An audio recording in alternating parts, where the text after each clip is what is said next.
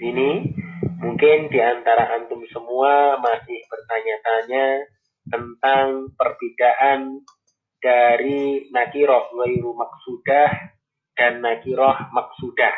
Tidak apa-apa. Kita akan sedikit jelaskan tentang faidah di sini. Kita akan buatkan contoh bahwasanya nakiroh wairu maksudah dan nakiroh maksudah dapat terlihat dengan jelas perbedaannya dengan memperhatikan kasus-kasus berikut ini. Ya, kita perhatikan kasus-kasus berikut ini agar kita dapat memahami dengan baik dan benar perbedaan antara nakiroh gairu maksudah dan nakiroh maksudah. Kita lihat kasus yang pertama. Kita perhatikan kasus yang pertama.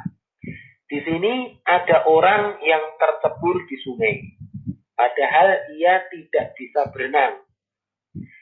Ia minta tolong kepada orang yang mungkin berada di sekitarnya untuk dapat menolongnya. Di sini ia tidak peduli siapa yang akan menolongnya. Yang jelas ia minta tolong dan berteriak. Barangkali ada orang yang mendengar dan mau menolongnya.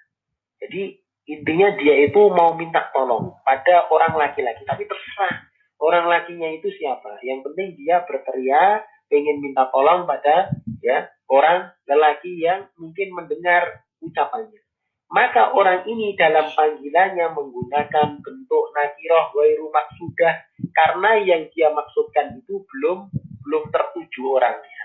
Ya, sebagai contoh misalnya kita gunakan kalimat tersebut ya rojulan ya angkitni ya ya rojulan angkitni wahai orang lelaki selamatkanlah aku ya Intinya siapa pun lelaki yang mungkin mendengar suaranya itu dimintai tolong oleh orang yang tercebur di sungai ini. Ya.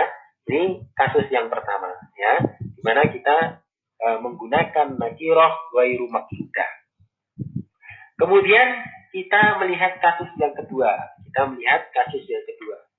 Di sini ada orang berkebangsaan Saudi Arabia datang ke Indonesia setelah turun dari pesawat, ia segera hendak membawa barang-barang bawaannya. Ya, mengingat barang bawaannya cukup banyak, ia menoleh ke sebelah kanan dan meminta kepada seorang lelaki yang berada di sampingnya untuk dapat membantunya. Ya. Ia belum begitu kenal siapa orang yang di sampingnya itu. Namun ia menginginkan orang di sampingnya lah yang akan membantunya. Jadi dia juga nggak kenal orang pendatang dari Saudi. Tapi dia apa? Dia pengen mendapat bantuan dari orang yang berada di sampingnya. Tapi dia memang belum kenal, ya. Dia belum kenal. Tapi yang dia maksud itu paham ya, tertuju bahwasanya orang di sampingnya itulah yang akan dia mintai bantuan, ya. Maka orang Saudi ini dalam panggilannya menggunakan bentuk nakiroh maksudah. Artinya apa? Ya, orangnya sudah tertuju. Sehingga kalimatnya adalah ya rojulu sa'idni wahai orang laki-laki bantulah aku ya.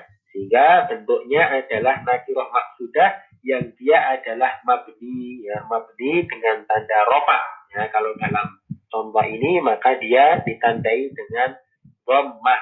Dia ditandai dengan apa? Dengan dhammah. Nah, mungkin itu mudah-mudahan dapat dipahami penjelasan tentang munajat.